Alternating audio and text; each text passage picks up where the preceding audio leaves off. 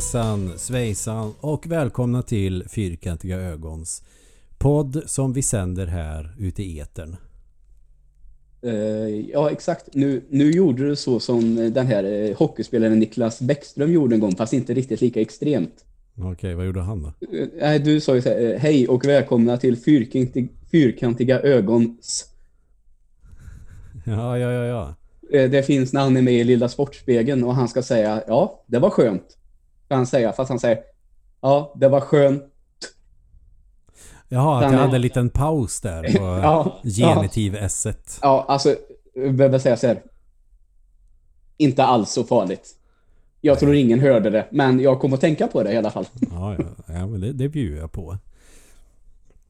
Jag kan ha tvivlat, jag vet inte. Jag tänkte inte så mycket på det. Mm, Nej, det är när han är så jävla nervös för han är med i tv för första gången. Ja, jag är supernervös för att jag spelar in mig själv och att det är många Ja. som kan höra detta. Mm.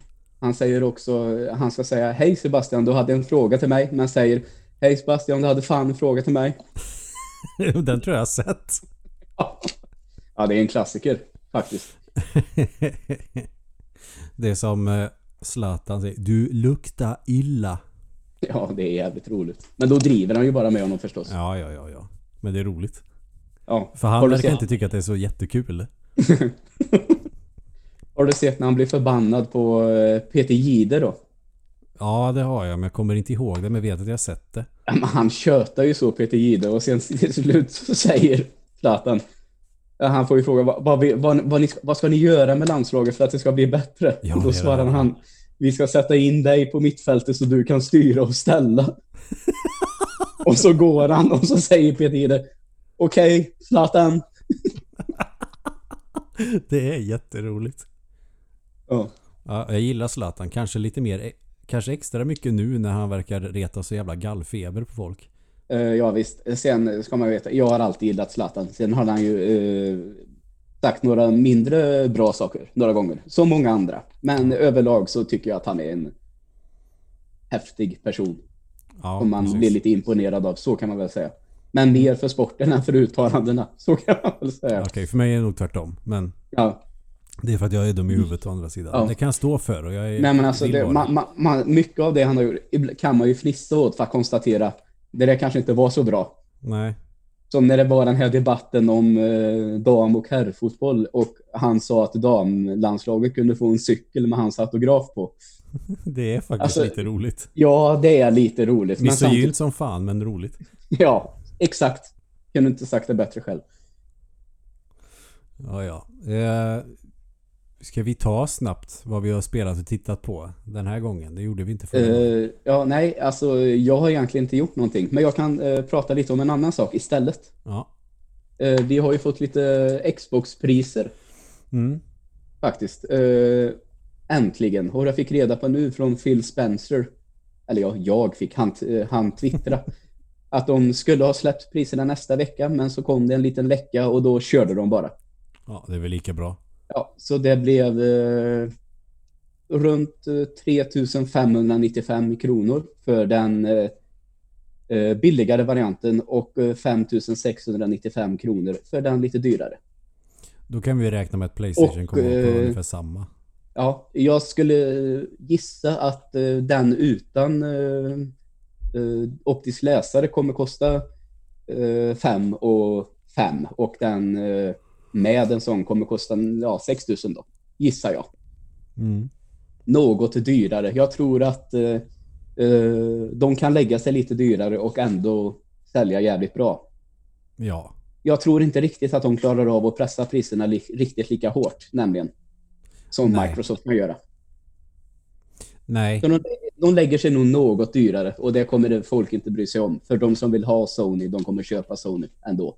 Ja, ja. Jag är ju ett levande bevis på det. Ja, precis. Jag kommer ju inte köpa Xbox bara för att den är billigare. Nej, exakt. Och de här priserna, det är med moms och eh, skatt inräknat, säger Microsoft själva. Så det blir inget mer sånt då. Nej. För det kan ju vara lite lurigt när det är amerikanska priser för att Mm. går Men här har, här har vi fått riktpriserna för Sverige också redan. Ja, direkt från. Microsoft. Ja, Och då får man, då är väl Ehm. också den här jävla plastskatten inräknad också. ja, exakt. Vi löser Och ju alla där man ju- av att skatta allting. Exakt. Att Men det det ska kan man drabba säga- konsumenten men inte de som gör saker. Nej, det får man säga. Det, det blev ju ungefär som när de släppte en konsol senast. Alltså, folk trodde ju det är ganska så eh, bra delar i de här. Så det blev faktiskt lite billigare än vad många hade trott, får man ändå säga. Och det var ju imponerande, men de är väl jävligt hårt prispressade så att säga. De går väl rejält minus på liksom varje såld konsol. Ja, sen får man väl räkna till mängden de säljer. Att det är där vinsten Mm. är. Och eh, alla andra sådana tjänster som de lägger till då. Till. Ja, eh, för det är ju den lilla detaljen att de, det här trodde jag ju bara skulle lanseras i USA först, men den här tjänsten som de kommer med som heter All Access eh, säljs ju via Elgiganten i Sverige, eh, i Norden också. Mm. Och det innebär då att du under 24, 24 månader betalar en summa. Och då ingår konsolen och Game Pass Ultimate. Och där eh, kommer också EA Access att ingå nu. Mm. Och eh, priset för den eh, billiga där, det är ju 25 dollar. Och 35 dollar för den lite dyrare. Och sen är det som vi pratade lite om igår, du och jag. Där är det väl lite skatt också då i USA. Och där har vi inget svenskt pris än. Nej, för det låter ju som att det är sjukt bra pris. Men jag tänker också, är det kredit som där man ska pröjsa och är det uppstartskostnader? det kommer ju alltid Nej, till grejer. eh, det- jag har kollat på, eh, som jag vet, det är att eh, på den amerikanska så står det eh, 0% och så står det en siffra efteråt. Och det har jag kollat upp så det är ingen dold kredit utöver i alla fall. Okej. Eh, det står det i annonsen. Så det, det är ingen sån här dold kredit, det är det inte. Men skatten kommer väl eh, läggas till då, antar jag. För jag tänker att det låter ju på ett sätt lite för bra för att vara sant. Mm. Men det kanske är så den approachen man måste ha också. Ja, för det, det man kan säga att konsolen kommer du ju att betala mer för än om du bara cashar den. Mm. Men det ingår ju de här tjänsterna med lite, där du kan ladda hem ganska många spel utan kostnad då. Ja. Så kan man ju se det. Så i slutändan så kanske du... Jag vet inte hur många spel en average person köper per år. För, men, för det ser man ju, du måste köpa ganska många spel om du cashar konsolen för att komma upp i det priset som 24 månader kommer att ge. Ja men det är ju bara att tänka på hur många spel till Switch jag har köpt. Alltså jag snittar väl på 10 om året. Och då Ja. köper jag ju ganska många.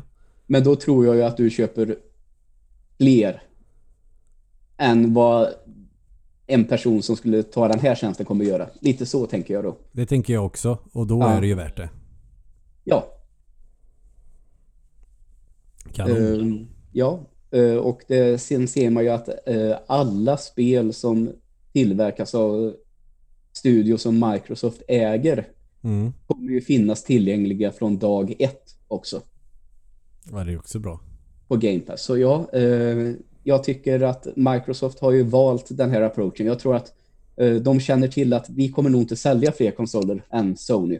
Så vi erbjuder det här istället och då kommer vi ha förhoppningsvis en fast månadskostnad, alltså, eller en, en fast eh, intäkt som kommer rulla på liksom. Ja. Det är ju bara att kolla, jag, säger, jag ser det, de säljer ju inte ens Office-paketet eh, i butik längre utan det är bara via prenumeration. Mm. Så att de vill ha in sina kunder på det sättet, den saken är i alla fall helt klart. Sen hur det kommer att gå, det är en annan femma. Men intressant tycker jag ändå. De har nog råd att riska lite grann. Såklart är det så. Absolut. Vet du vad jag har börjat spela? Nej. Det blir så varje ny vecka med en podd. Så har jag påbörjat ett nytt spel som är en långkörare.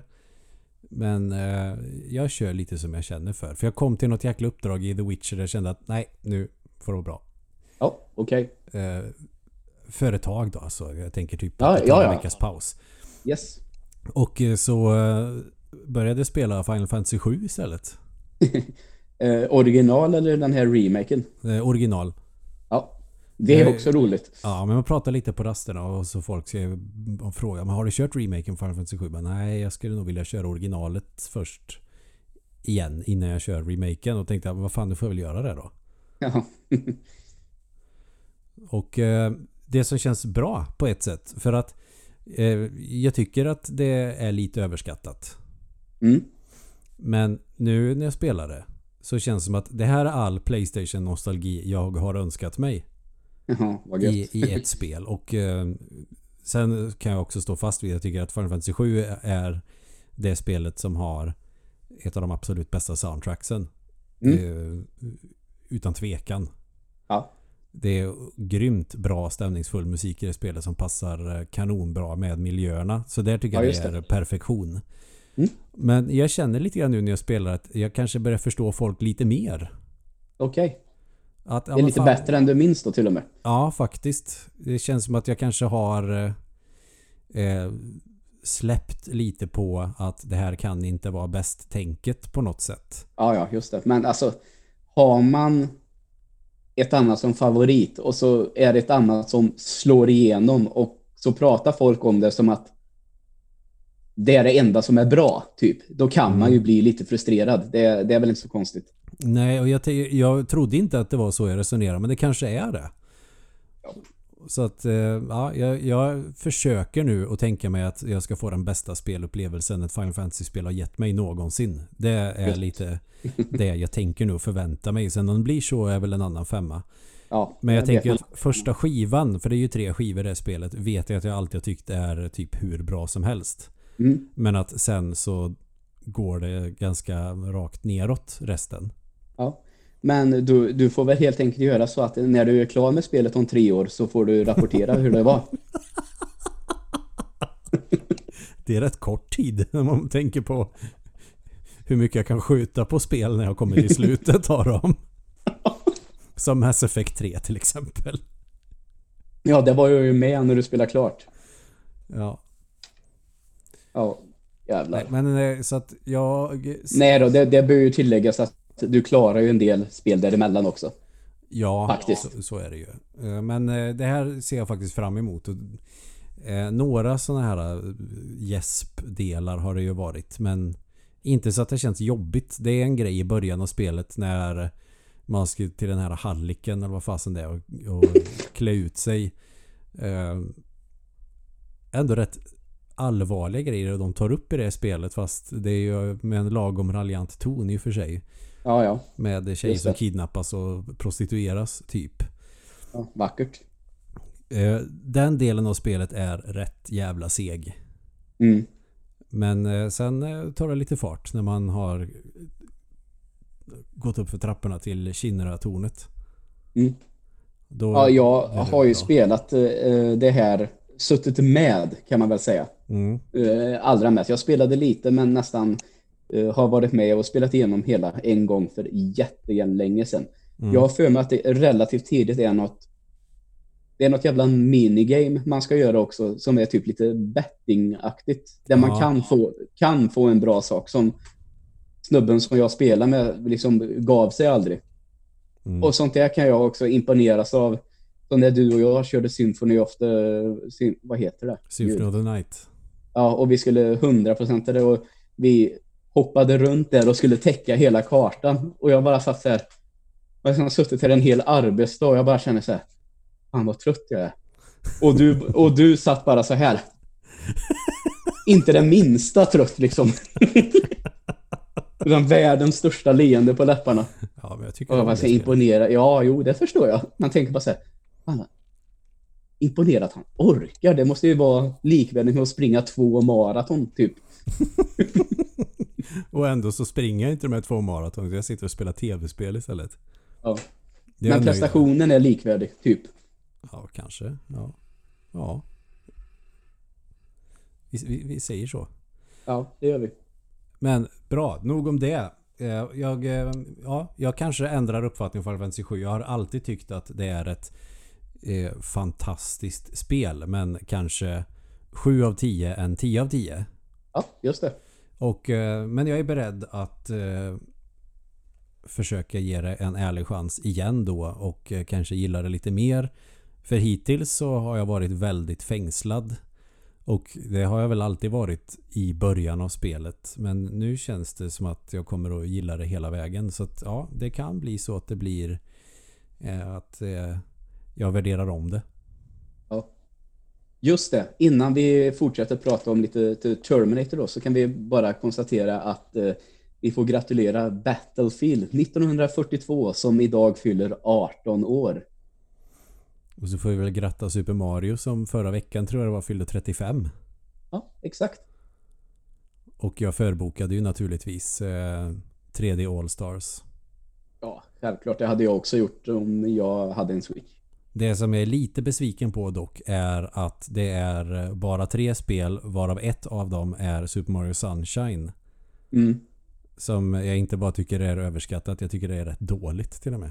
Ja, okej. Men det ska jag ge en chans till och så kanske jag ändrar mig där med. Absolut.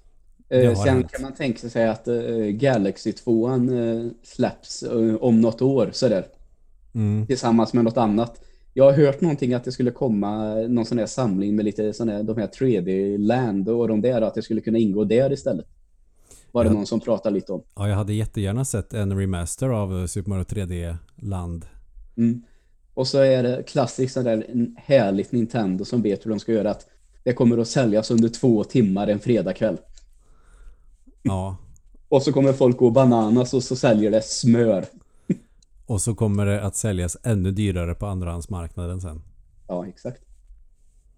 Vilket jag får intrycket av att de absolut inte gillar. Men ändå så öppnar de för den här skiten varenda jävla Ja, gång. men jag, jag är, för det vi menar här nu om ni inte fattar så uh, Allstars säljs ju under en begränsad tid. Den här samlingen som kommer, som Emil har förbokat. Ja, och eh, Eh, begränsad upplaga tror jag det är eh, fysiskt. Och sen Ja, under exakt. begränsad tid även digitalt.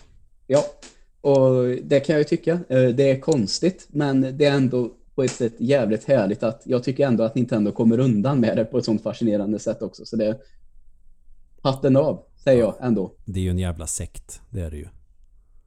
Ja, men ändå kan man så kan man. Lite som vi Jag är ju insyltad i det så in i helvete.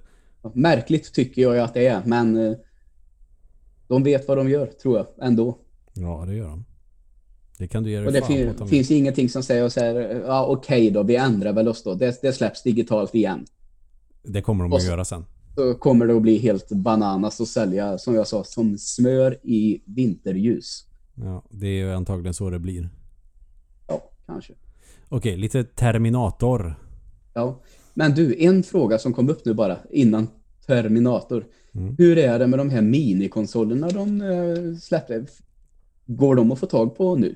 Nej, de har slutat tillverka dem. Ja, de, ja okej. Bra, det var bara det som kom upp. Men de är nog inte lika eftertraktade längre som de var efter första vändan av eh, Nintendo 8-bit Ja, just det. varianten. För den var det ju folk som eh, köpte loss på alla butiker och sen sålde vidare för sjuka mängder pengar. Fantastiskt. Ja, så, såna vill, jag skulle kunna säga, jag säger det inte, men jag skulle kunna säga att jag vill att, att jag skulle vilja att man skjuter dem i huvudet eller någonting och skickar liksom den döda kroppen till deras släktingar. Men jag säger inte det. Men jag Nej. skulle kunna säga det. Ja, jag förstår. Ja, ja. Terminator. Och vi pratade ju både om första och andra och lite om de andra förra veckan. Eh, Och sen var det lite mer vad vi gillade för grejer med ettan som kändes lite extra spännande. Och eh, vi kan väl ha ungefär samma upplägg med tvåan nu. Det finns ju en del detaljer som jag tycker är ganska trevliga. Men sen är det ju också väldigt trevligt att bara prata om filmen överhuvudtaget för att den är eh, så jävla bra. Ja, exakt så. Skulle, vart skulle du ranka den? Skulle du ha den i någon topp 10 eller skulle det vara topp 20 eller topp 30? Ehm, ja, det, fan, det är så svårt med de här topplistorna. Det är en... Jag tycker nog att den är, om man säger så här, topp tre actionfilm. Mm. Om inte den allra, allra bästa actionrullen. Mm. Det tycker jag ju. Eh, sen är det ju en sån här, det är ju en av... Man säger det, jag har ju ganska många filmer som jag älskar att se om. Som jag har sett många, många, många gånger. Mm. Och den tillhörde ju en av dem. Så kan vi väl säga då. Det är absolut en film jag aldrig kommer att tröttna på. Det känns nästan som att jag, jag skulle kunna, precis som med Kurt Olsson-filmen, se den en gång i veckan året runt. Utan att tröttna. Typ. Så jag, är det jag, jag förstår ju fenomenet. Jag Ja. har ju också sådana filmer. Även om jag tänker att Mm. Kurt Olsson känns lagom obegripligt. Men det är ju Ja, men det är det, jag. det är jag ju ensam om i världen. Det fattar jag ju också. och det tycker jag är bra. Ja. Då får du ha den i fred. Exakt. Ja, det skulle jag nästan bli förbannad om det så här, ja, det finns ett litet sällskap med hundra personer som gör så. Då skulle jag nästan säga, men vad fan, fick jag inte ens ha det för mig själv? Och så är det någon som är lite bättre än vad du är på att citera replikerna också. Ja, det vore ju katastrof. Men alltså vad ska man säga? Terminator 2, vad fan, när kom den? 91 eller något sånt där? Eh, ja. Ganska långt efter eh, första filmen. Mm. Vilket inte gör så mycket men den utspelar sig, vad är det? Typ fyra år efter eller Ja, fem år efter? men ja. Men det blir svårt att säga va? Nej, För, fan det måste vara... Nej, tio år efter är det. För fan, vad dum jag är. Ja, för uh, ungen John Connor är ju ganska gammal. Han är tio. Ja. Eh, Edward precis. Furlong är absolut inte tio. Nej. Men John Connor är tio. Ja, ehm, exakt. Och kör sin den där krossen helt utan pardon. Jag tycker att det är lite märkligt att den karaktären är 10 för han känns väldigt långt ifrån en 10-åring utvecklingsmässigt och beteendemässigt. Eh, verkligen. Men det är kanske den här eh, det lilla som skulle gå och klaga på med den här filmen då att eh, varför sa de inte bara att han var 12? Jo, det har väl att göra med att den här Judgment Day-grejen måste stämma. Så det har Ja. väl liksom blivit lite, det är väl så det får vara helt enkelt. Ja, så, så är det ju. Jag tycker bara att det känns konstigt. Ja, Men nej, det han- är film, han vad fan. Ja, men visst, eh, om man ska prata så, ja, han är betydligt mer utvecklad i sitt beteende än vad de flesta tioåringar är. För att jag fattar ju att det finns skådisar som är äldre som alltid spelar yngre. Och så är det ju. Vad fan, Beverly Hills, vad var de? Typ 25 eller någonting och skulle spela gymnasieelever. Ja. Och man kan köpa det. Kanske inte för att de ser unga ut men det blir väl kanske lättare att eh, relatera till. Jag vet inte. Någonting sånt där konstigt är det säkert. Plus att man får väl inte jobba om man är minderårig. Nej, just det. Eller vad fan det nu är för konstiga regler de har. Eller så har vi eh, Ralph Macchio som kan spela Daniela Russo när han är 27 men ser ut och låter som han är 12. Ja, exakt. Vet du, på tal om, eh, du sa Beverly Hills va? Mm. Känner du till uttrycket att vara fillig? Nej. Nej, det förstår jag. Jag tror att det är extremt begränsat till Västergötland att kunna säga så. Kanske till och med små delar av Skaraborg. Mm. Eh, Men den förklaring man har till när man är det, det är Brandon i Beverly Hills. Vet, så som han går runt med den här minen hela tiden och ser lite... Ja, jag vet inte. Så som han ser ut helt enkelt. Ja, men jag vet Det- exakt det- vad du menar. Det är att vara fillig. Det är inte samma som att vara stekig utan det är något mer specifikt. Ja, men, eh, man skulle ja, men man skulle väl kunna säga så här då. Det är en person som går runt och tror att han är stekig. Okej. Så skulle man kunna förklara det kanske. En wannabe typ. Ja, Ja, då är jag med. Nej men jag tycker att det är jättekonstigt i alla fall utifrån hur karaktären är. Att Mm. han skulle vara 10 år. ja, jag håller med dig. Och vad blir Sarah Connor då? Typ 29. Och ja, det, det, det kan man väl köpa om någon person som är i 30-årsåldern kan spela någon som är 29. Det, där tänker jag att det blir inte så stor skillnad. Men om du har en... Vad gammal kan Edward Furlong ha varit? Han måste ju ha varit 13, 14, 15 eller Eh, någonting. Edward Furlong är född 77. Han var 14 år. Ja. Och 13, han ser ut 14 som och låter som 14. Han är ju supermålbrott i hela den filmen. Och det är väl ingen tioåring som är i målbrottet. Eh, nej, det var svårt att tro. Lite äldre är man nog. Ja, jag kom i målbrottet när jag var 11 typ. Ja. Ja, jag Då tror jag började gick i, rösten skära sig. ja, ja, jag gick i sexan. Det, det, ja, det, det är en detalj som jag tycker är orimlig men som jag egentligen inte bryr mig så mycket om. Jag tycker att den är kul att diskutera. När man kom i målbrottet. Ja, exakt det. Ja, Ja. precis det. Nej, men eh, jag håller med dig om det här angående hans ålder. Absolut. Sen vet jag ju och de hade ju tänkt, för det är ju Robert Patrick heter han va, som är eh, T1000. Mm. Och jag försökte så gott jag kunde när jag kollade på Terminator 2 nu senast att tänka mig att jag ska ha, eh, vara helt blank när jag ser den nu och bara försöka se den utifrån att jag såg ettan först och det här är fortsättningen. Och Ja. försöka se det bara som fortsättningen på första delen. För att jag såg ju tvåan före ettan. Så att Ja, just det. eh, de här grejerna Mm, det hade vi gemensamt. Det var ju samma för mig där. Så att de, en del grejer har inte känts riktigt lika begripligt. Till exempel någon blir livrädd när Terminatorn kommer. Att så här, men han är ju god, vad fan håller de på med? Sådär. Mm.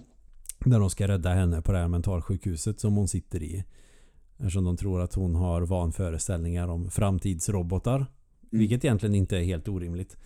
Där finns det bara, innan jag, så att inte det här faller bort. Där finns en scen som jag alltid har tyckt är så jävla cool av någon anledning. Jag vet inte, för den är väldigt simpel och den tillför egentligen kanske inte något, men det är när den här roboten T-1000 går genom gallret. Och, Och sen när han, är på, när han är på väg så hör man en så här klickande metallljud. Så tittar han ner. Så har han fastnat med pistolen mellan gallret så att han får vrida den för att komma igenom. Ja, det är en sån där liten detalj som liksom, det höjer faktiskt den scenen av någon anledning. det gör honom mer robotaktig också, tycker jag. Ja, det kanske är så, helt enkelt. För det är som en hund som ska gå in genom en dörr med en pinne i käften och så är pinnen för stor. Ja. Och hundar är ju alldeles för dumma för att fatta att man måste vrida på pinnen. Mm. Utan de försöker ju igen. Alltså Ja. man, får, man får ju den känslan av att han är ju en robot så han tänker väl inte på hur han håller pistolen eller sådär. Han går bara. Det är, det är Mm. hans, han går till sitt mål som han ska terminera. Och Ja. då blir det väl så att pistolen fastnar och så måste han titta på den och typ göra en liten uträkning för han är ju programmerad och sen vrida på handen och dra ut Ja. pistolen ur gallret. Ja men Ja. det är en sån detalj som jag tycker är också är helt jävla fantastisk. ja, det är bra vet du. Men T-1000 är också en bra antagonist att ha för att eh, det är ju samma tema som första filmen i stort sett. Mm. Att eh, nu, fast nu är det två robotar som skickas tillbaka i Mm. tiden. Och en av dem är, är, liksom Arnold. Man får ju inte veta någonting om att han ska skydda John Connor förrän han eh, kommer ikapp honom Nej, exakt. när han kör från T1000. Och där försökte jag också tänka lite grann. Är det två Terminator som är ute efter att döda honom? Eller Ja, nu, nu kan jag ju inte exakt tänka så men jag försöker ändå sätta mig in i det tankesättet när jag ser den. För det är ju ganska skrämmande då när det är två stycken som är ute efter honom och kör på sin lilla moped där i den här jävla rännan eller vad det är. Ja, just det. Och där är det ju faktiskt så också att eh, han har ju varit rätt ond innan det, även Arnold, när han eh, snor till sig de där kläderna. Liksom, då är han ju fortfarande, han bryr sig inte om de människorna för fem öre. Nej. Liksom så att man, man får ju ingen känsla där ens av att han skulle vara snäll och liksom gå och få tag i kläder på annat sätt. Jaha, han kanske är god i den här, hade man kunnat tänka då, nästan. Utan Eller nu är det, så- den, i, av, den av flytande metall som är den goda? Alltså egentligen så vet man väl inte det. Nej, det gör man inte. Och det var en grej som de hade tänkt från början att han som spelar Kyle Reese i första filmen Ja. att han skulle ha varit eh, T1000 från början. Mm. Och det är en sån där grej som grämer mig lite grann för att jag tror att det hade varit en sån jävla effekt för storyn och karaktärerna. Lite lökigt också så jag förstår att de inte gjorde det så. Men det har väl du berättat tror jag att eh, det var väl eh, Arnold själv som bad om att få spela roboten. Ja Ja, men det det, det var första filmen det. Ja, ja, ja i första. Och sen så i andra filmen så tänkte de att Kyle Reese karaktären skulle Mm. vara med som Ja, T-1000 ja. istället. Ja, nu fattar jag. Sorry. För det hade blivit ett ganska kul twist och den som var Ja. god då i första Ja, filmen. det, ond nu, ja, eh, jag var lite trög nu. Nu fattar jag. Och hur till exempel Sarah Connor då som karaktär skulle ha reagerat på att det är en kopia av Kyle Reese som kommer och ska döda dem. Ja, det hade varit coolt. Det håller jag faktiskt med dig. Så det tycker jag är lite synd. Men å andra sidan tycker jag att Robert Patrick är in i helvete bra som T-1000 också. Ja, verkligen. Han är ju väldigt... Eh, men han, han visar ju inte sådär jättemånga k- känslor ens med liksom eh, minspelet i ansiktet. Det är, det är egentligen bara en gång som jag tänker att han gör det. Och det är, spoiler, när han får den där granaten som liksom fastnar i honom och han tittar ner på den. Mm. Då ser han rädd ut. Annars är han ju kanske också då när han fryser i det här, eh, den här flytande kväven så ser han ju också stressad ut. Men annars så har han ju liksom bara det här stela, mordiska blicken. Mm. Förresten, pratar han någon gång med sin röst? Eller är det bara härmande röster han använder? Ingen aning. Jag tror faktiskt det aldrig framgår. Eh, för att Nej, jag tänkte, det är han tar sig in i han- helikoptern eller vad det är. Ja, get out. Säg, Ja, Mm. då är det ju, ja, just det. Men sen kanske han inte har någon egen röst. Han kanske, för att allting Nej. är ju påhittat. Eller om det är Mm. så att utseendet han har när han kommer tillbaka till 1991 eller vad det är. Eller 1994 kanske ska utspela sig förresten. Mm. Så eh, han har ju ett originalutseende. Men för att jag har hela tiden haft ett minne av det. Kanske en Mandela-effekt. Att eh, i början av filmen så dödar han en polis som ser ut så. Mm. Och att det är då han får det utseendet. Men det framgick inte. Men jag tror att den eh, versionen av Terminator som finns på... eh, Är det via Play som har de filmerna? Eh, det är mycket möjligt att det är så. Det är ju Theatrical Cut eller vad det är. Alltså den Mm. vanliga versionen. Det finns ju en oklippt variant också med lite borttagna scener. Det kanske finns Ja. någon sån scen. Jag vet inte. Jag har inte kollat Nej. upp det här. Nej, nej. Det, ja, ja. Så man kan väl anta att han pratar med sin vanliga röst någon gång. Ja. Eh, på tal om sådana här små saker, eh, bara små, små detaljer i filmer som jag älskar att se på. Eh, och det här är någonting som jag alltid har tänkt på i den här. Det är en scen där det sker en sak. Det är en person som skadar sig kan man väl säga. Och du vet, ibland när man ser folk skada sig på film så kan man känna så här, åh, det där gjorde ont.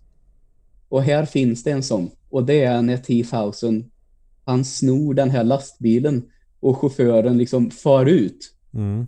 och slår i backen. Och när han gör det så flyger han ner och sopar i höften i as äh, asfalten. Och jag har alltid tyckt att det ser så jävla obehagligt ut. För det där gör så jävla ont, kan jag tänka mig. Och han kommer ha problem resten av livet med den där höften. Den blir liksom aldrig, den blir liksom aldrig, ja men det gör han säger vi. Men den där höften, den blev aldrig bra igen. En annan Och det är något med ljudet också här. Åh fy fan.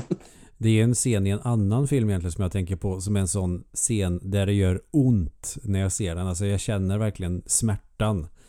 Och det är i The Faculty tror jag det är. När det här monstret är i någon jävla pool. Ja. Och tar tag i benen på en av karaktärerna, en tjej. Så att hon slår i backen så in i helvete med huvudet. Och det ser ut att göra så jävla ont. Ja, okej. Öh, jag får rysningar när jag tänker på det. Du vet sånt här badhuskakel. Ja, Och så landar du och slår i huvudet i det där liksom med kinden mot så här. Man kan nästan känna hur tänderna liksom skär upp läppen inifrån. Ja, jag förstår. Och dessutom så får man det där kaklet. Det är lite så här strävt ibland Mm. också. Så hon får dessutom det där skrapsåret. Inte ens Ja. det klarar hon sig undan. Nej fy fan. jag, jag, varje gång jag såg den filmen så fick jag lite ångest inför den scenen. Jag har sett den filmen jättemånga gånger för den sändes på tv mycket och tyckte den var bland det coolaste som fanns när jag var... När fan kan den ha kommit? När jag var 13, 14 kanske? Ja. Det var ett litet sidospår på apro- apropå det här med scener som man får ont av att se. Mm. Sen kan jag nog fan inte komma på någon mer. Nej, inte så där på rak arm. Det finns ju säkert ett par. Sen tänker jag också på en scen som jag alltid har tyckt har varit cool och eh, varje gång Terminator hade visats på TV, för det kunde han ju göra ibland. Och så kom han till skolan dagen efter och så var det väldigt många som började springa som han eh, T-1000. Ja, det kan han i alla fall. Jävlar vilket steg den roboten har. Satan vad coolt det ser ut när han kutar efter honom när han kör iväg med sin moped. Ja, det är något. Du ser, fan vad många sådana här små detaljer det finns att prata om med den här rullen. Till Ja, och med det blir coolt i den här. Och så är, men det är någonting med musiken också som är lite så här dun, dun, dun, dun, dun, Och så Mm. springer han så in i helvete. Och verkar så himla rak också när han springer. ja, Och helt Men- uttryckslös i ansiktet. Eller, eh, men det är väl också det här som du sa med gallret där, att det är väl också en robot. Alltså, en robot har ju inte dålig hållning. Nej, utan det är precis. liksom stark skelett, även om det är flytande då, så är det liksom BAM!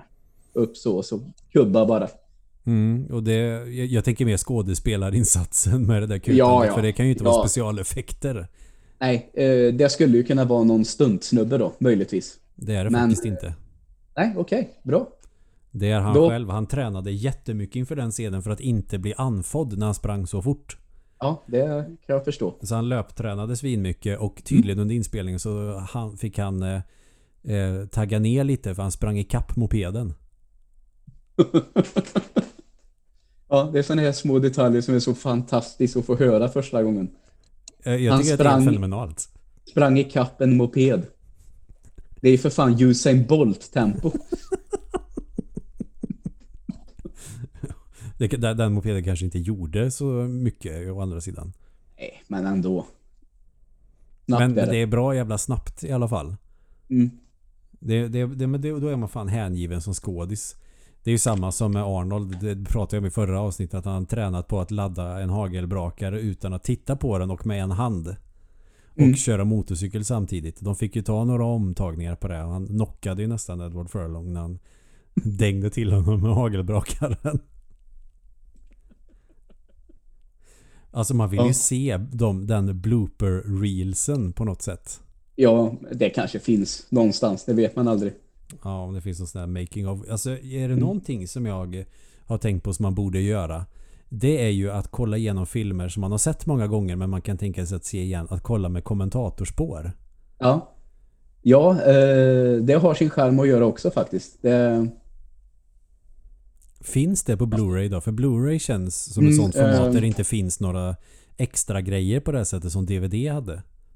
Eh, jo, eh, det vet jag att det gör på en del som jag har här. Jag köpte ju lite Blu-ray där ett tag, men det finns ju även på en del eh, om du köper film via det här iTunes Mm.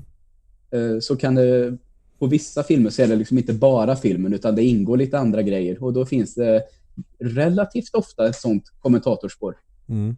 med regissören eller någon skådis till exempel. För det är alltså den idén är ju helt briljant. Jag har bara inte fått tummen ur och kolla på en film sådär någon gång. Nej, alltså eh, saken är väl den att eh, du vet, ibland kan man få saker som- som är lite roligare på pappret. Mm. Och ofta sen när jag har sett på sådana här kommentatorspår, jag tror jag såg något med eh, Steven Spielberg eh, på eh, Jurassic Park en gång. Och då blir det så här, det, det tog inte så där jättelång tid innan man liksom blir så här, ja, det var roligt en stund. Ja. Eh, Lite så blir det. Men eh, det är klart att man skulle kunna hoppa och se vissa scener. Då blir det ju än att se hela rullen.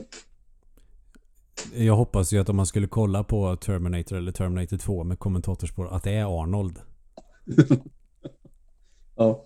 Det hade ju varit guld. ja, det hade varit tufft. För jag tycker ändå om att kolla på sådana YouTube-klipp när det är den här skådisen gör en breakdown på hel, alla sina roller i sin karriär. Mm. Det finns ju ett sånt konto med massa sådana. Det är ju skitroligt. Men du, ska vi inte göra så här då? Du får träna nu, ja, vi säger året ut, på att prata som Arnold, som du redan är bra på. Så att du är riktigt jävla vass.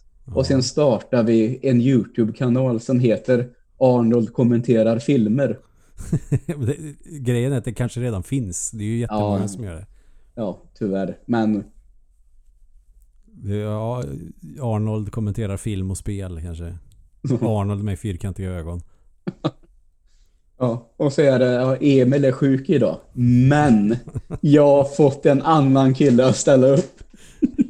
The Super Mario Brothers is a really cool game. Ja, jag måste öva mycket om jag ska få till det där. Eh, ja, men som sagt var, uh, 15 januari kör vi. Första. Ja, jag ska fundera på det. Ja, nej, nej, jag menar det är väl... Nej, 14 januari blir det, det är en torsdag. Men sen tänker jag på hur de ändrar på framtiden. För i första filmen jag har alltid trott att eh, allting i den filmen är för att ändra på framtiden. Men efter att ha sett den i vuxen ålder så har jag ju fattat att hela filmen går ut på att de ska säkra framtiden. Ja, ja, just det. För att eh, Carrie säger din son kommer bli liksom eh, värsta coola Mm. eh, militären och han kommer att hjälpa folket. Vi har precis sprängt Skynet men de har skickat tillbaka en robot. Ja, så ja, absolut. Huvudmålet är ju att bara se till att jorden kommer gå under, men den måste gå under med John Connor. Mm. Och då måste Kyle Reese skickas tillbaka i tiden så att han kan göra eh, Sarah Connor på smällen. Så att han kan födas överhuvudtaget. Ja, Vilket också är eh, Ja, spännande. Och det gör att det kan öppna för en uppföljare. På det Såklart. sättet. Och de lyckas med det på ett bra sätt i Terminator 2. Och att de gör också, de har ju mer, större budget naturligtvis. Men att de gör också mer av allt och så gör de det också med en liten twist. Och det är ju att John Connor säger till den här eh, Terminator att du får inte döda någon. Mm. Och så tänker jag på Why? det. Ja. ja, det var en dålig imitation, men det... Nej, den var skitbra. Mm, För eh, roboten har ju den här eh, självlärande datorn som hela tiden blir bättre och bättre. Så det, eh, det köper man ju att han kan lära sig även det. Och han har också fått lära sig att han tar kommandon från en tioåring. Mm. Vilket också är helt orimligt. Men det är också väldigt kul för filmen för det skapar ju dynamik mellan de två karaktärerna. Ja, och här är väl ett väldigt, väldigt bra sätt där humorn fungerar väldigt bra. Till exempel som när han står på ett ben och står på ett ben tills han blir tillsagd att ta ner benet. Mm. Det är en sån, det, där fnissar man ju lite åt det. Liksom. Så det, det, det är bra humor också. På sina, inte så där att man sitter och garvar hela filmen igenom, men på, på vissa ställen så tycker jag det funkar eh, riktigt bra. Samtidigt som jag tänker om jag hade varit 10 år och fått en mördarrobot som jag får bestämma över. Nog fan hade jag testat lite sådana där grejer. Ja, det är ju därför det funkar. För att det känns liksom realistiskt i Mm. den här eh, världen. Eh, Jag tänkte på något mer kul. Jo, det är en borttagen scen. Som inte är med på den som du ser på Viaplay. Mm. Och det är ju när han ska försöka få roboten eller Arnold att le. Har du sett den scenen? Eh, ja, det har jag faktiskt gjort. Jag tror att till och med att du kan ha visat det. Och där är ju Arnold helt fantastisk också. Att han verkligen kan le som en person som absolut inte kan göra det. Vilket också är, bevisar att han var perfekt för rollen som den roboten. ja, Och och det, det, det, det, det tåls ju att eh, upprepas, för det pratade vi om senast, att det här är ju Arnolds roll nummer ett. Eh, han är väldigt bra på att spela robot. Och det kan tyckas eh, banalt, men jag tror att det är svårare än vad man tror faktiskt. Om man tänker på hur mycket arbete och hur mycket tid han har lagt ner på att kunna vara som en robot. För han har ju ändå tänkt väldigt långt i det här att eh, om jag ska vara en robot då måste jag kunna tänka som en robot. Och en robot kan göra saker som människor eh, inte kan. Som Ja, kan tänkas exakt. vara en självklarhet. Som hur man hanterar vapen eller sådana här grejer. Det måste ju ändå vara trovärdigt och då ger ju han sig fan på att det ska bli det också. Ja, exakt. Som att hantera vapnena i ettan där. Han är väl den enda som eh, någon sån här vapentidning, Soldier of Fortune kanske det var. Som var, det här är nog den första Hollywood eh, actionskådisen som faktiskt hanterar vapen på ett korrekt sätt i film.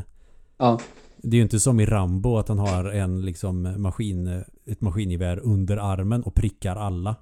nej. Medan alla andra siktar och missar varenda jävla skott.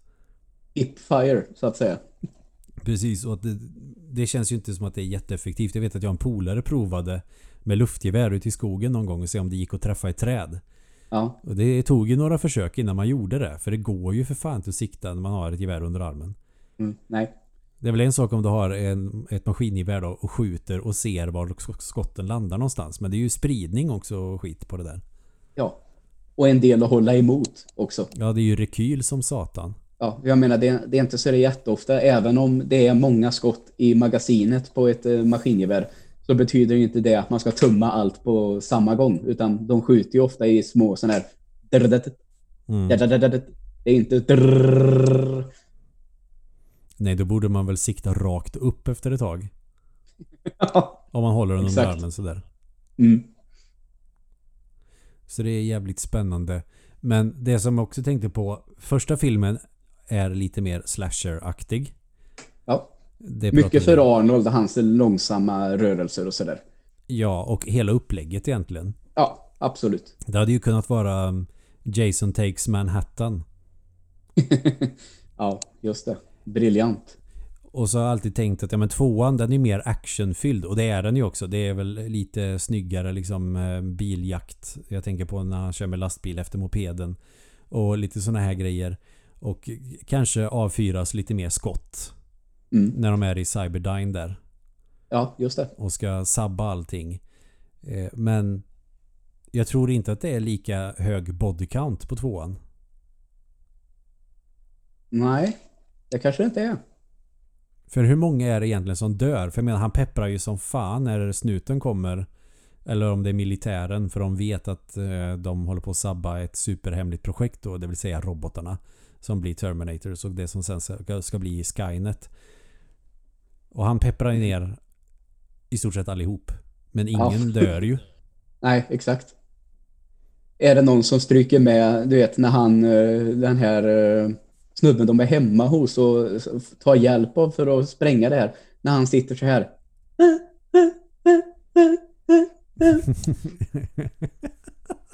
Du vet vilken jag menar. Det, var, det, det är nog den bästa imitationen någon kan göra. I någonting. Någon gång. Det, det kan jag däremot tycka, det är ju lite fnissigt dock. Ja det är det. Det låter ju så jävla roligt.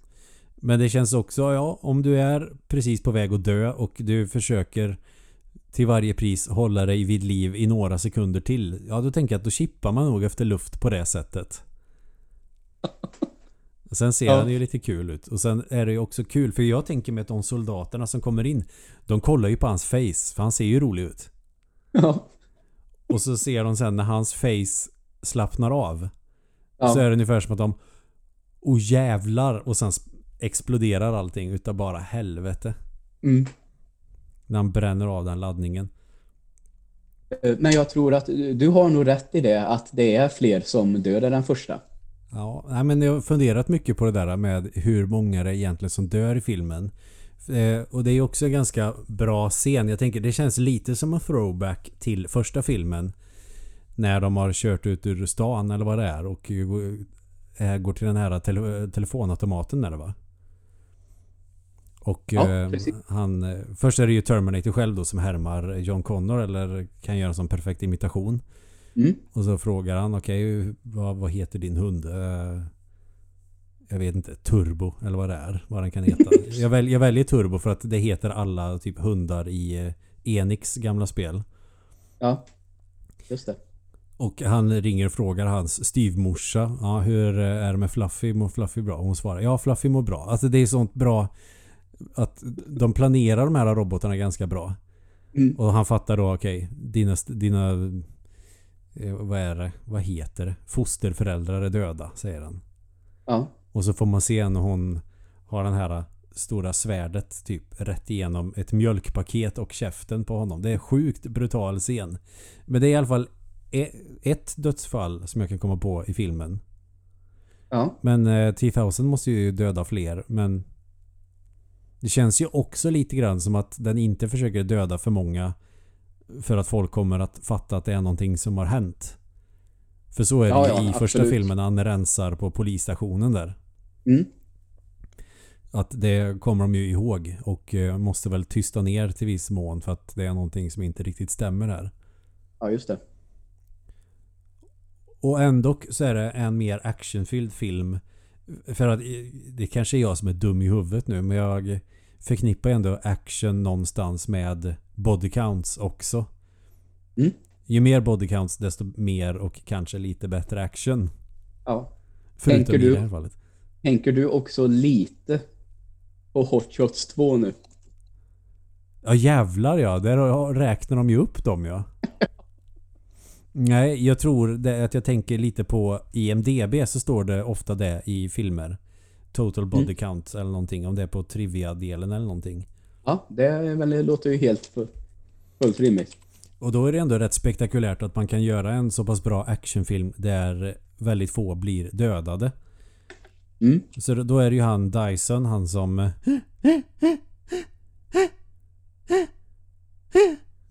Dör. Eh, Nej, förlåt. Jag ville prova också.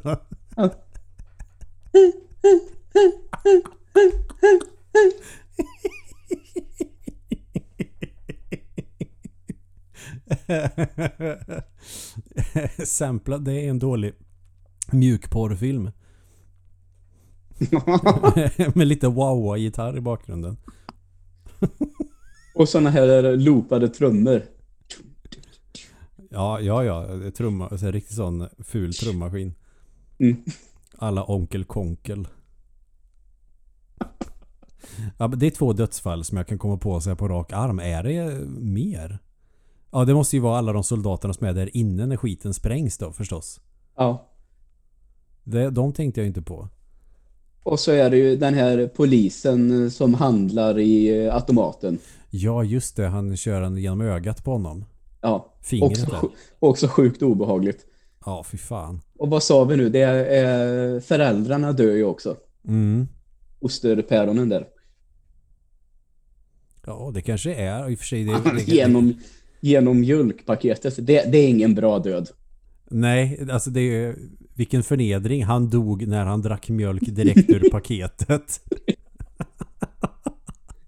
Värdigt, skulle man kunna säga. när FBI är där och kollar liksom brottsscenen. Ja, det verkar som att eh, det är något långt vasst föremål som har penetrerat först mjölkpaketet och sen munhålan. Mm. Ännu ett mjölkrelaterat dödsfall. ja, de tror att det är en annan mördare. Det är från Simpsons som du kommer ihåg det. När. Homer, dö, när Homer dör när han käkar broccoli.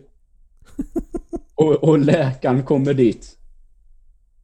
Och säger så. Åh, ännu ett broccoli-relaterat dödsfall. Och Marge säger, vadå? Jag trodde broccoli var nyttigt. Och Dr. Hibbert svarar, nej, nej. Den försöker till och med varna oss med sin vidriga smak. Men man får också ett eh, intryck av att de här två robotarna i filmen har gjort sin läxa på människor också. Ja, Eh, och det kanske de har i första filmen också. Men eh, Arnold-roboten måste ju ha spenderat tid med människor och lärt sig mycket. ja. Vad händer med dina hörlurar? Det där blev väldigt, väldigt högt av någon oförklarlig anledning. Okej. Jag tror Nej, att jag har fara. ekat eh, hos dig några gånger också. Men det gör ingenting. Nej, okej. Men sen får man också en känsla av kanske en lite mänsklig sida då av Arnolds robot som ska göra att man får ändå lite feelings för honom. Att han verkar ju studera mycket om människor och ställa väldigt många frågor. Till exempel vad är det för fel på dina ögon? Han gråter och såna grejer. Ja, just det. Eh, Det finns ju flera sådana där. Jag behöver inte gå igenom alla. Men det är en scen som jag tycker är jävligt rolig. När han är, det är som att han är lite på sånt humör ibland. Att okej, men nu är det ingen att mörda. Då får jag studera den här arten. Och när de är ute i öknen där i Mexiko eller vad fasen där. Och han lyfter upp en bebis och ingen märker någonting. Nej, han håller den bara så här. Ja, han bara tar, Liksom i... suger tag liksom i kragen på den och lyfter upp den och tittar på den. Mm. Det tycker jag är väldigt roligt. Och alla bara liksom pratar på som ingenting. Och han bara suger tag i den ungen och liksom tittar på den som att det är en leksak eller någonting. Okej, där har vi kinder. Fan vad liten den här var i jämförelse med de andra. Det är de här jag är byggd för att ha ihjäl. Ja, precis. Mm. Ja. Och för att det, jag vet, den har sina stunder då den är ganska rolig. Ja. Jag, jag tänkte även på det här när, eh, när de springer in på den här, i den här arkadhallen eller vad fan det är. Och Ja. eh, han blir Han ska väl skydda John Connor och bli skjuten i ryggen. Och Ja, jag, jag tänkte direkt då, för man, man ser ju inga skotthål i den jackan. Så jag att det här är ju som gjort för en sån här goof. Att eh, så här felklipp. Ungefär Mm. som att eh, i, för, först i den här scenen så hade han blå strumpor. Sen klipper de en gång och då har han röda strumpor. Sen klipper de så har han blå strumpor igen. ja, just det. Att det är någon sån grej. För i första är de ju ändå ganska bra med detaljer som när de bränner upp håret och ögonbrynen på honom och sådana där grejer som ser, ser inte klok ut. Nej. Då är det kul när de eh, ställer bilen i något garage någonstans när de ska plåstra om eh, och lite grejer. Mm. Och eh, John Connor håller upp jackan. Och så ser man när solen lyser igenom de här hålen. Det är också ganska komiskt. Ja. Men eh, om vi ska prata om scener så finns det ju, vi pratar om fruktansvärda scener. Mm. Den här atombombsscenen är bra creepy också. Åh, ja. Den känns väldigt mardrömslik också. Ja, eh, och det, hon, det är väl något sånt va? Om hon dagdrömmer eller om hon... Eh, Hon Tänker på somnar det. ju vid den här bänken och hon Ja, eh, hackar i bordet ja. med en kniv. mm. Och så känns det ju verkligen, det känns på något sätt tycker jag ganska realistiskt. Det är nog ungefär så det går till. Mm. Den här starka ljusblixten och allting som börjar brinna och sen kommer tryckvågen. Och då bara allt kött är sönderbränt och flyger av skelettet. Ja, Ja, det är en väldigt grafisk scen. Och Mm. man ser alla i den här lekparken bara bli helt sönderbrända när de håller i barnen och det här. ja, Rätt jävla brutal scen faktiskt. ja. Tänker man har, att man har byggt ett sånt där på riktigt. Det har jag ju läst eh, om det när de släppte de här atombomberna över stan där att eh, de som var närmast, de blev ju liksom bara aska. Allting liksom pulveriserades för att det blev så Mm. varmt. Jävla grej vet du, fy fan. Ja, fy fan. Det är läskigt alltså det där. Mm. Men ja, det är faktiskt en jävla bra scen. Det var nog när jag var liten och såg den så tror jag att jag kände mig lite modigare efter att ha sett den. Att jag tyckte att den var mer cool än hemsk. Ja, du vågade. Ja, men lite så. Och jag blev inte liksom eh, traumatiserad utan jag tänkte ja men det där såg faktiskt ganska coolt ut. ja, just det. Och sen är det ju för jävla coolt också för han, han, han känns ju lite kaxig John Connor i den, i, genom hela filmen. Speciellt när han har den här roboten. Mm. När de ska, för att det är då hon eh, kukar ur och ska dra till han eh, Dyson och skjuta ihjäl honom. För han har ju har nästan knäckt det här med det här mikrochippet. Genom Ja, att bara det. titta på det så vet han exakt hur koden i alla chippen är i det där. Ja, just det. Så han har ju suttit och programmerat det här. Eh, och då tänker jag också på för i första filmen, en av de bästa scenerna är när han petar ut det här ögat. Ja, Det är ganska coolt. Och sen är det liknande i den här filmen. Också en scen som gör, det gör lite ont att se. Det är när han säger ja men visa dem. Och istället för att liksom Istället för att bara visa lite grann om jag är faktiskt en robot. Ja, men kanske skära lite grann eller kanske visa ett redan öppet sår att ja men det här är liksom ett eh, robotskelett mm. med levande vävnad. Nej, han tar en skalpell och så skär han liksom hela underarmen och sliter av skinnet liksom och köttet och allting. Och visar liksom med sin hand. Mm. Ja, det är coolt. Och då, det, ja, det, då är det fan hardcore. Men det är väl också det här att det är just armen i, från första roboten som är kvar. Ja, Och att exakt. han då ska visa att jag är en sån. Här har Mm. du hela armen. Ja, det är också en sån härlig eh, reaktion som jag tror, ja, inte en konstig reaktion, men eh, den familjen där reagerar väldigt, väldigt roligt då tycker jag. Oj, oj, oj. Det var konstigt. ja, nej, det är inte så konstigt, men det är väldigt kul också. Jag tänker också, vad gör de med den här delen av armen han kastar bort på golvet? Tänk dig dagen efter. Vi har en robots arm här som råkar vara levande vävnad. Eller har varit levande vävnad. Mm. Plus att eh, min man har dött. Vad Ja, gör man jag med armen? Och någon hittar den liksom. Sparar den som ett minne. den ruttnar. Ja. Kommer du ihåg dagen farsan dog? Du vet när kvinnan kom och sköt honom genom fönstret. Och sen Mm. kom hennes tioåriga son och hans robot. Mamma, jag vill inte prata om det, det är lite jobbigt. Ja, fy fan vad hemskt. Ja, nej, alltså, det, men det gör ont. Man tänker hur han bara sänker ner den här kniven i armen. Bara drar. Mm. Det ser rätt coolt ut. Även om man också kan se då att det är antagligen eh, färg i den här grejen. Och så eh, häller de ut lite färg så det ser ut som att han skär upp. Men jag tycker ändå att det funkar. Ja, det tycker jag också. Och det är ju en film där som är grymt smockad med snygga effekter. Både praktiska och CG. Verkligen. Jag tycker till exempel hur de har löst det här med flytande metall är ju helt eh, sanslöst. Jag tycker fan fortfarande att det är snyggt. Ja, det tycker jag också. Den, den är ju gammal nu. Det ska man ju komma ihåg. Alltså det... Ja, 29 år. Ja, och man har tänkt att det här är 91. Det hade ju liksom... Det här är ju till och med före Jurassic Park som har blivit så hyllad för sina effekter, både praktiska och med datorer. Mm. Så att, eh, ja, eh, grymt. Som du säger, praktiska och eh, med, ja, CGI. Och effekter med dat- datorer har man väl gjort tidigare och så, men just den här typen av 3D-effekter. Mm, ja, alltså det, det, har, det tar ju ett kliv här. Det märker man ju i film. Det är klart att det fanns innan, men här är det ju... Det är något annat här. Och man kan få det att se hyfsat verkligt ut utifrån de förutsättningar som fanns på den tiden. Och just med den här smältande metallen han går genom gallret är ju verkligen en sån där sak. Mm. Eller när han är golvet. Och så Ja. flyter upp är också jävligt snyggt. Det är väl eh, när han eh, dödar snuten det. Ja, eller den vakten. Ja, ja, ja.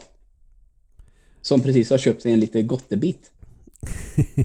jag försöker i alla fall. Eller nej, kaffe är det va? Förresten. För Ja, han ja. kollar ju på den, han kollar ju den här poker... eh, Det Ja, är just en det. sån på kaffemuggen som han får ut där så ska han se vilken pokerhand han har fått och så när han tittar upp så står han själv där. Det är faktiskt en väldigt rolig scen också på ett sätt. Att de har något litet lotteri på här muggarna de får och så får han en Royal Straight Flush här va. Ja, det, ja så kan det nog vara. Och bara fan vad gött. Kolla här vad jag fick. Ja vad roligt för dig och så vänder han sig om och så får han en typ spets i ögat. Jaha, ett finger.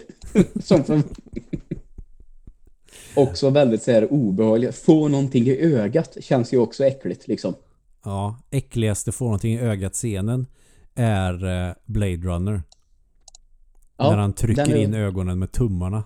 Ja, det är obehagligt. Uff. Ja, då har vi två scener som gör ont att se. Det är gubben som inte har någon höft och han som får ögat. Mm. Och man väntar sig också, det, det är ju rätt bra fighter mellan de här robotarna också. Det är ju i arkadhallen där de kastar in varandra genom väggar och grejer. Ja, Eh, Men Final Showdown finns det inte med i den här filmen på det sättet. Förväntar man sig nästan. mm. ja nej, det är klart. Men det är ju den där förstås. På det stålverket eller vad fan det är. Mm. Och så att första filmen avslutas i en fabrik, andra filmen avslutas också i en fabrik. Ja, Och här gör de, är de ju också väldigt noga med att inte efterlämna några spår efter sig. ja, Men jag tänker på en grej. Och det är ju när han fastnar med armen i de här kuggarna. ja, Så använder han ju stort spett och sliter av armen på sig själv. ja, så att han ska ta fria sig. Den armen borde de ju ha hittat sen efter det. Ja, för det är inte med någonstans. eh, Det kanske också är bortklippt. Ja, det kanske Nej, är, men eh, absolut, det har du rätt i. För första Terminator-armen kastar de ner ihop med chippet och sen så sänker han ner sig själv. Mm. Eh, Det kanske är så att de bara hittar en arm. De hittar inte ett chip den här gången. Det, för det är väl det han gör extra tydligt i och för sig. För han pekar ju på sitt eget huvud så här. Det finns ett chip kvar. Mm. Så det kanske, man får väl tänka då att det är det som är det viktigaste. Men det är ändå armen som ger dem någon form av idé. Ja, För de Förstås. sparar ju första armen. Så kan det Mm. vara så att eh, de hittar armen? För det, det blir ju en trea liksom. Det blir ju en fortsättning på det här. Mm. Och där är det ju bra lamt. Det här med att eh, de tror att de har eh, stoppat Judgment Day. Men då säger de bara, ja, nej, nej, nej, nej. Ni bara sköt den på framtiden. Och det, men det är inte så konstigt heller om man tänker Nej, vad det förstås, de men- upptäcker är väl mer eller mindre artificiell intelligens på ett sätt. Ja. Nej, Eh, alltså så- man, det man har man får ju undersökt ändå tänker jag. Men man får ju köpa det, för jag kommer ihåg att jag tänkte lite när jag skulle, på den på bio. och Undrar hur det kommer, för de stoppar ju det här kriget. Det, det skulle ju aldrig hända. Och så är det bara en sån grej. De är, kan ändå kännas rätt skönt att fan, vi säger bara att eh, det bara händer senare. En annan grej också i den scenen när han eh, han har blivit av med armen tror jag och han kör spettet igenom honom. Mm. Så tycker jag också att det är Det hade kunnat varit effektfullt om den roboten hade dött där men då hade vi inte haft det känslofyllda slutet som ändå Nej. filmen har. Men att han sen rebootar. Ja. han kopplar om, kopplar förbi skadan på något sätt säkert. Ja, det kanske står någonting på... Och startar om sig helt enkelt. För att han, är ju, han blir ju ändå så pass illa tilltygad att han går sönder. Men Ja. kan ändå starta om på något sätt. Mm. Jag vet inte. Men det är väl någon jävla backup-grej säkert. Ja, kanske. Ja, jag vet inte. Jag, hade lite svårt att köpa just den scenen när jag såg den senast. Mm. Samtidigt som att det är klart att det ska vara så. Man vill ju att det ska vara så att han, oj nu kan jag starta om.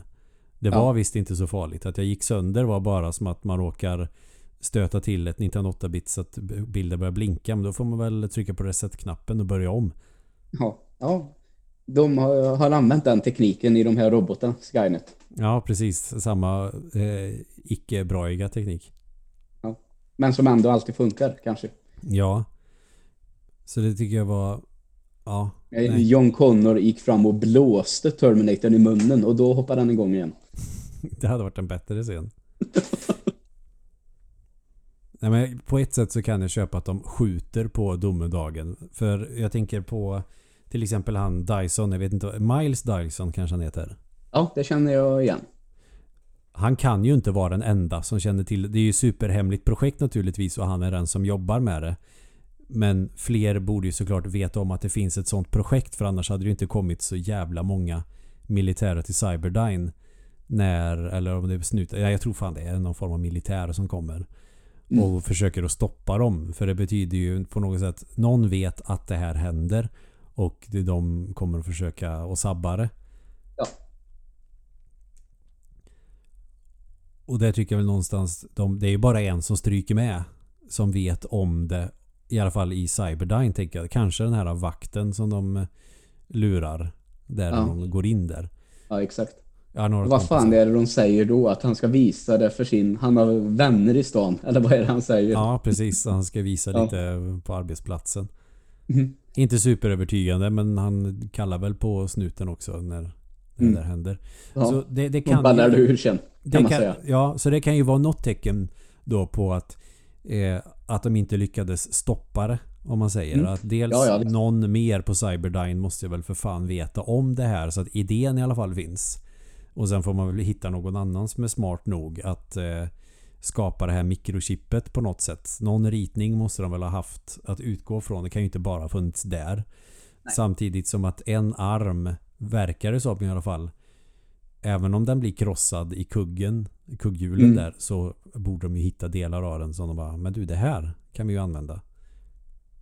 Absolut. Ja, alltså man får ju köpa att det är film också. Som vi har varit inne på några gånger redan. Mm. Men det är kul att sitta och analysera på det här sättet för att se Är trean så ologisk som jag tyckte när jag såg den första gången? Nej. Eh, nej, men det, det, det här sa vi ju redan förra veckan att det, det känns ju lite trött. Det, Mm. Alltså lite så blir det ju. Dock. De hade ju kunnat avsluta den med tvåan. De säkrade framtiden i ettan så att den skulle bli så som det ska vara. Mm. Eh, kanske är det så att Sarah Connor fick lite mer kunskap om vad som ska hända i framtiden än vad hon fick i första tidslinjen. Mm. Om det nu fanns någon sån. För att eh, John Connor hade aldrig funnits om de inte hade skickat tillbaka Kyle Reese i tiden. Nej, just det.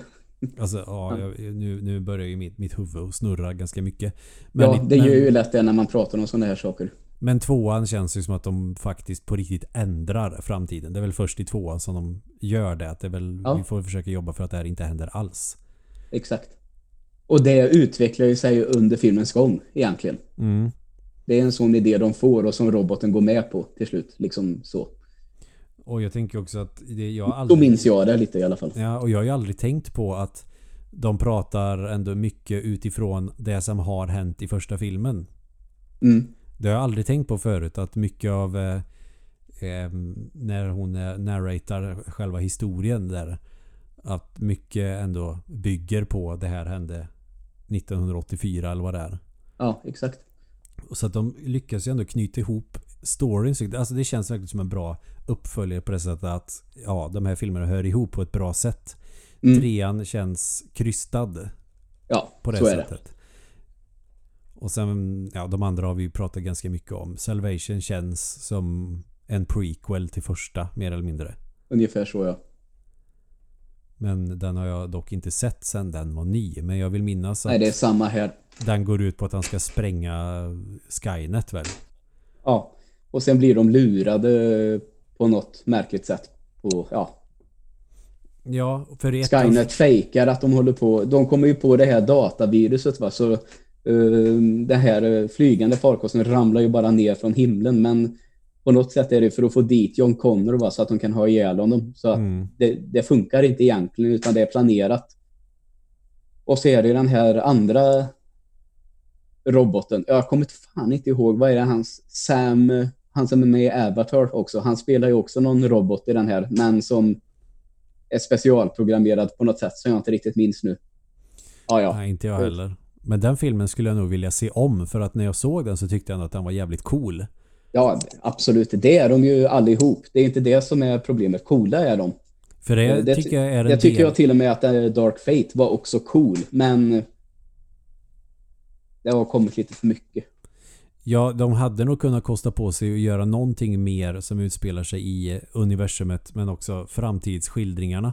Mm, absolut. Den postapokalyptiska världen.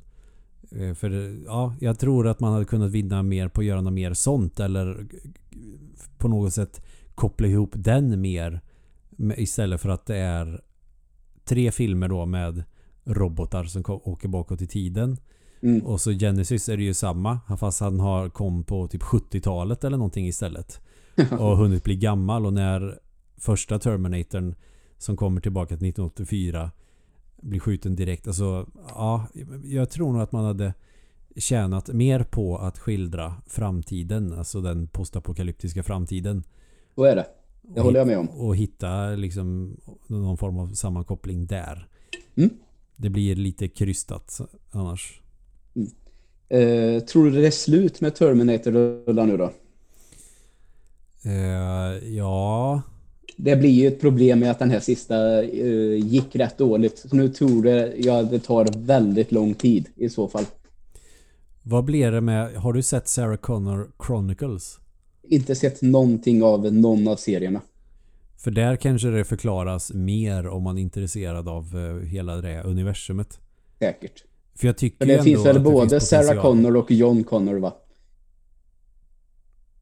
Ja, det kanske det gör. Jag tror det finns eh, två stycken serier. Om jag inte... Så där kanske det är mer skildringar av eh, den postapokalyptiska dystopiska framtiden. Nej, det verkar vara Sarah Connor Chronicles bara. Då minns jag fel. Jag hade för mig att det var en till faktiskt.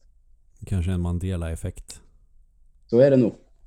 Ja, du har också lyssnat på Flashback Forever. Ja, och eh, läst om Berenstain Bears. Ja, det är väldigt, väldigt roligt och jag tycker att det är en rätt häftig grej faktiskt ändå. Ja men det är kul när, när folk målar upp sådana konspirationsteorier. Alltså konspirationsteorier kan ju vara kul men de är ju Ja. också väldigt far-fetched. Nej, Jag kan också säga, eh, det här är någonting som man inte har reflekterat riktigt över. Men jag kan säga att när man verkligen tittar på kartan, alltså i mitt huvud, så känns det som att Sydamerika ligger längre västerut.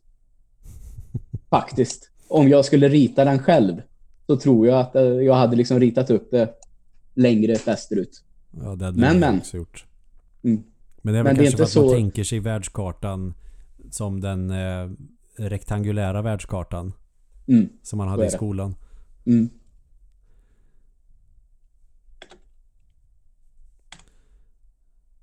Ja, jag, jag kommer faktiskt inte på så mycket mer kul om Terminator Mm. 2. Sådana här små detaljer som jag Nej, har Det, uppskattat. jag tror faktiskt att jag har fått med det jag eh, vill ha. Förutom en sak till då. Mm. Eh, det var när jag eh, gick på, jag hade ett tag någon sån här av alla de här märkliga kanalerna TV4 hade någon gång. Mm. Alltså, TV4 Guld eller TV4 100 eller något sånt där. TV4 Eh. News. Ja, det, ja, den var det inte. Men någon, någon av dem var det i alla fall. Så var det bara så att jag var hemma och var sjuk och så låg jag bara och bläddrade. Finns det något att se? Och så bara, ja, ett avsnitt av Baywatch. Och så blev jag lite nostalgisk för jag brukar kolla på den när jag gick hem från skolan. Och så blev bara en unge med i det här och jag bara "Fan, känner igen den här personen. Och så tänkte jag, jag får kolla eftertexterna sen då, ifall man kan se vem det är. Och så står det typ så här Girl 2. Och så bara, ja, okej. Hon måste det ha varit. Då kollade jag på IMDB. Då hade hon gjort typ fem avsnitt Baywatch och Terminator 2.